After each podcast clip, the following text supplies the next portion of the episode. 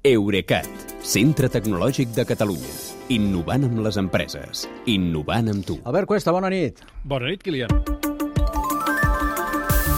Aviam, això que sembla imparable del preu dinàmic dels bitllets d'avió, per exemple, arriba també als xips.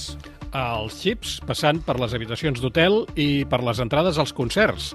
Uh, en general, qualsevol producte o servei que es premi el negoci cobrant cada unitat més cara com més demanda hi hagi.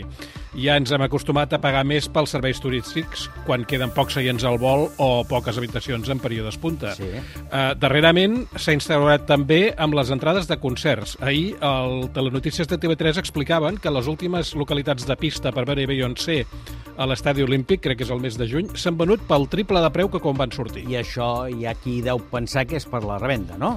Uh, potser sí que ho pensen, però no hi té res a veure, perquè és la plataforma oficial Ticketmaster la que ha triplicat el preu de la mateixa entrada a mesura que en quedaven menys.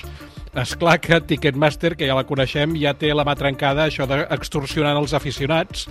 Eh, només cal recordar que la comissió per servei que afegeix el preu de les entrades és un percentatge d'aquest preu, com si el cost intern que tenen de vendre una entrada de 150 euros fos el triple d'alt que vendre'n una de 50 euros, quan en realitat a, a internet no és així. Ja. Jo ja fa anys que dic que suposant que haguem de, de pagar per separat el servei de venda per internet, aquest impost revolucionari per entrada hauria de ser fix, però ni cas. Uh, sort que hi ha algú que s'ha proposat frenar aquest afany rep- recaptatori. En Robert Smith, el líder dels The Cure, ha obligat fa poc la mateixa Ticketmaster a retornar als espectadors de la, de la seva gira pels Estats Units una part de la comissió per servei que els havien cobrat i que molts consideraven abusiva i s'havien queixat. Tant de bo serveixi d'exemple.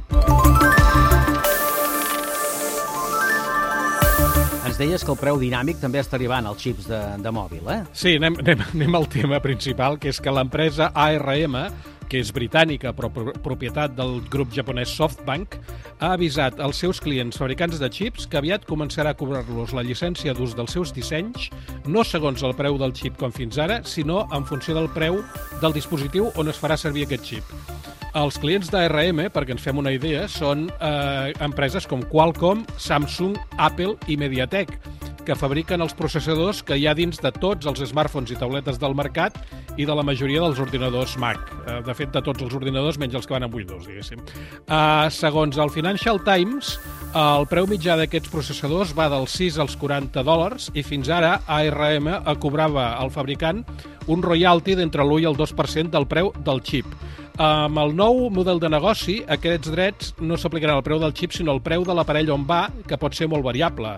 Eh, amb, sense anar més lluny, amb el cas dels smartphones, el preu mitjà d'un telèfon l'any passat va ser de 335 dòlars, però si mirem, per exemple, el preu mitjà d'un iPhone, ja supera els 800 dòlars. I els fabricants de xips què diuen d'això?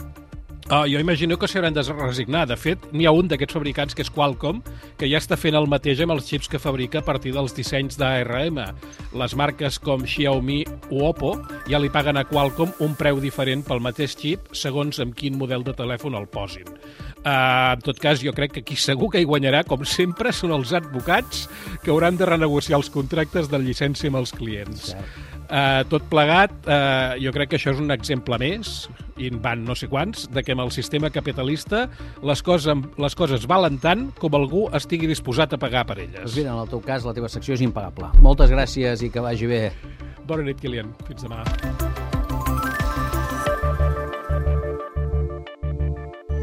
Eurecat, centre tecnològic de Catalunya. Innovant amb les empreses. Innovant amb tu.